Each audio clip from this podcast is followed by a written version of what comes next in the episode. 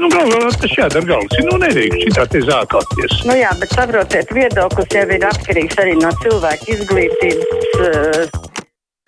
Ja vēlaties izteikt savu viedokli, zvaniet mums 6722, 888, vai 6722, 55, 99.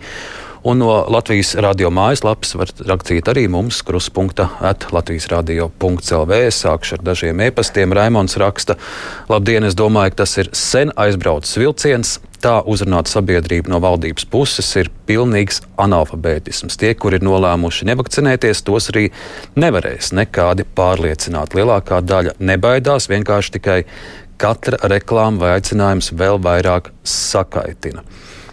Lūk, tāds viedoklis. Pat Auruna klausītājs. Sveiki! Labdien! Labdien.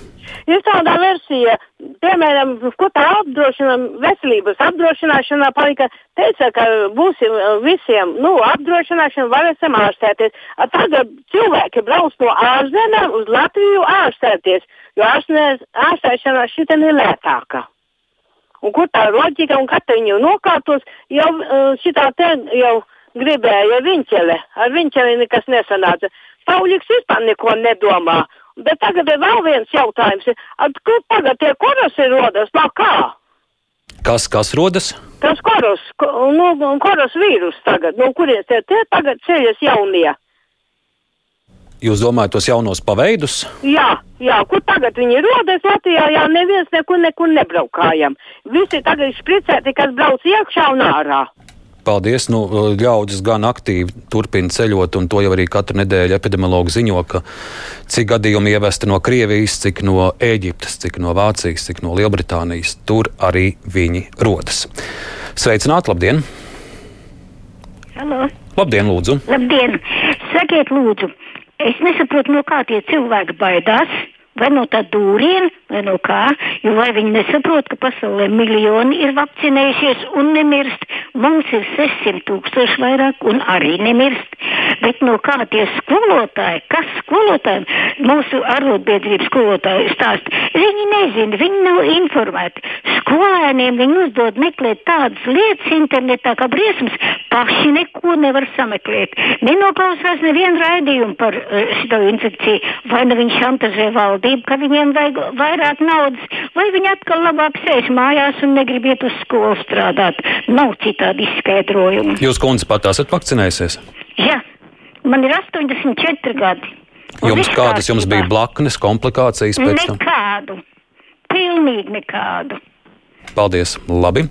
6722, 888, 672, 559, Lūk, nākamais klausītājs. Labdien!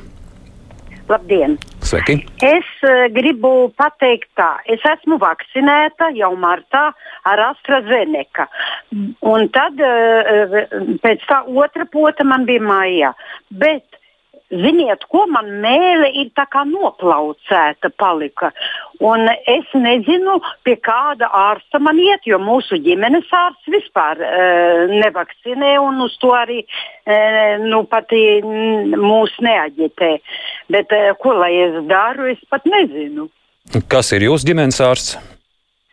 Mums ir jūglā ģimenes ārsts. Nosaukt viņu. Nu, varbūt arī nav tik svarīgi, bet tas, ko es ieteiktu, tad vismaz tam ģimenes ārstam palūdziet, lai viņš iesaka jums kādu citu kolēģi, kurš. Jā, bet vakcin... ziniet, tā pilnīgi tā kā noplaucēta mēle un kakls, un tā man jau ir mēnesis.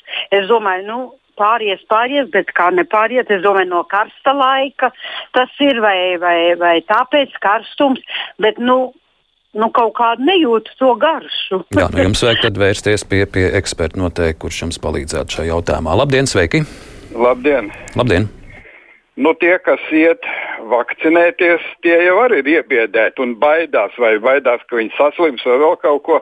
Bet vajag jau tos, kas ir pret vakcināciju, vienkārši tur ir gudri cilvēki daudz uzaicināt un diskutēt. Kāpēc jūs to nedariet? Kāpēc ir tāda vārda, sakot, nevis vārda brīvība, bet tāda nelietība, ka var runāt tikai liberāļi un tā tālāk? Nu. No te nekāda sakara liberāļiem nav, ir bijušas arī pirms tam diskusijas par pret, bet tas, ko es esmu runājis ar ar zināmiem mūsu infektologiem, profesoriem. Viņiem ir apnicis jau savu laiku tērēt, jo, kā viņi saka, tas ir gluži kā pret sienu stāstīt šos zinātniskos argumentus, ka tajos vispār neklausās. 6722, 888, 672, 559, Igors raksta, labdien, nepiekritīšu, ka vakcinācija neietekmē dzimumu dzīvi. Esmu vakcinēts 60, plus, un pēc vakcīnas dzimuma attiecības pēkšņi kļuva biežākas. Ja būs iespēja, vakcinēšos vēlreiz. Lūk, tā raksta mums Igors.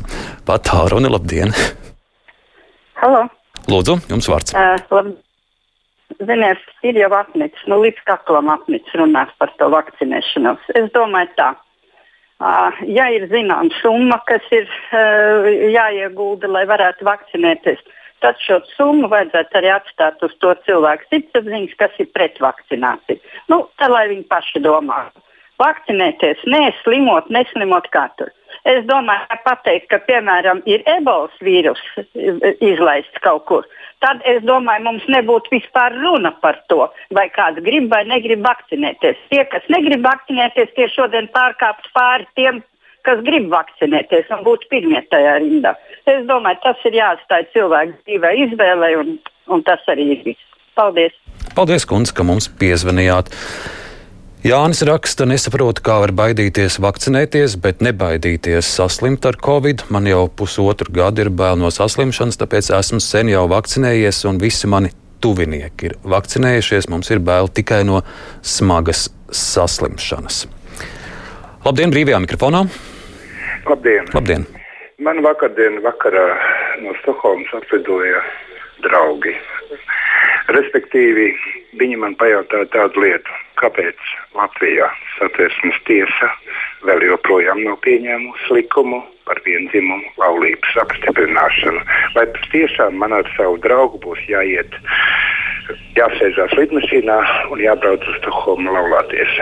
Paldies par jūsu viedokli. Vēl par vakcinācijas tematu. Irīna raksta, ar cilvēkiem vajag runāt saprotamā valodā, kā pandēmijas pirmajā vilnī runāja profesionāļi - Rozentāli, Cipuli, Dumpis.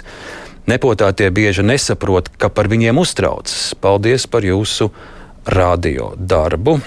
Anna raksta, nu nevajag piesaukt atbildību pret sabiedrību, izklausās pēc padomu laika aģitācijas, un tā nekad nestrādā. Rādiet saslimšanas rezultātus, nevis piesauciet atbildību pret sabiedrību. Rādiet tā, lai katrs pats pa īstam nobaidās no slimības. Tagad neviens jau vairs nerunā par saslimšanas smagumu, tikai par mistisko atbildību, lai visi varētu apmeklēt koncertus. Tā tas nedarbojas, raksta Anija. Labdien, jums vārds. Labdien! Labdien.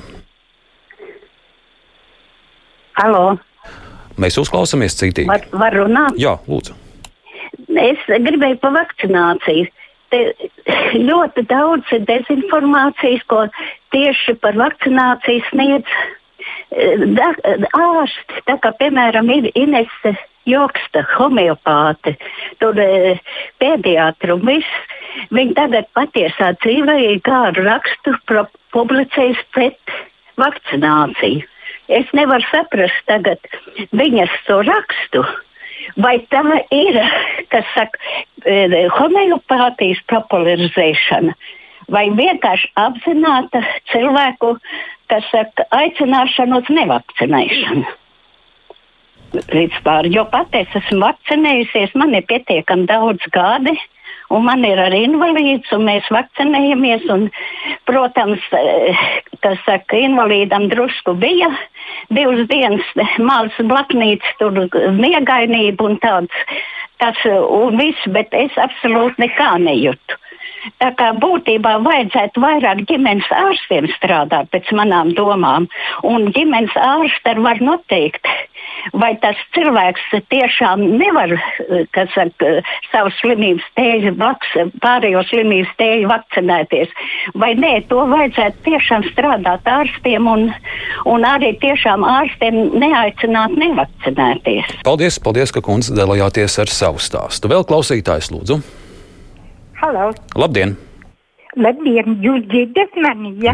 Ļoti labi dzirdam. Es jums gribēju pateikt personīgi, kas mani attur no vakcinēšanas. Pirmām kārtām veselības ministre Vinkele ar savu noslēpumainību viss ir neatklājams. Otrkārt, ar saltiem meliem, ko viņa pa televizoru Latvijas tautai e, teica, ka prezidents Kali, e, melo, bet izrādījās viņa pati meloja.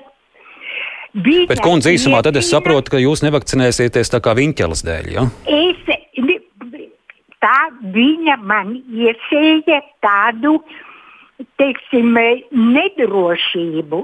Ja tā drīkst melot, tad es vairs neticu nekam.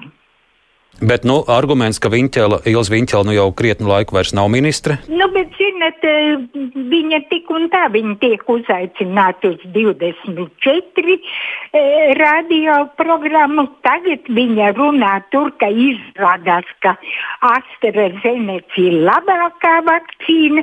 Viņa jau saptaugaisu. Man nav vairs ticība. Un pirmkārt, viņa veselības tagadējo ministru ir vienā komandā. Tādā sakarā es arī viņam vairs neticu. Lūk, arī tāds viedoklis brīvajā mikrofonā. Sveicināti, labdien!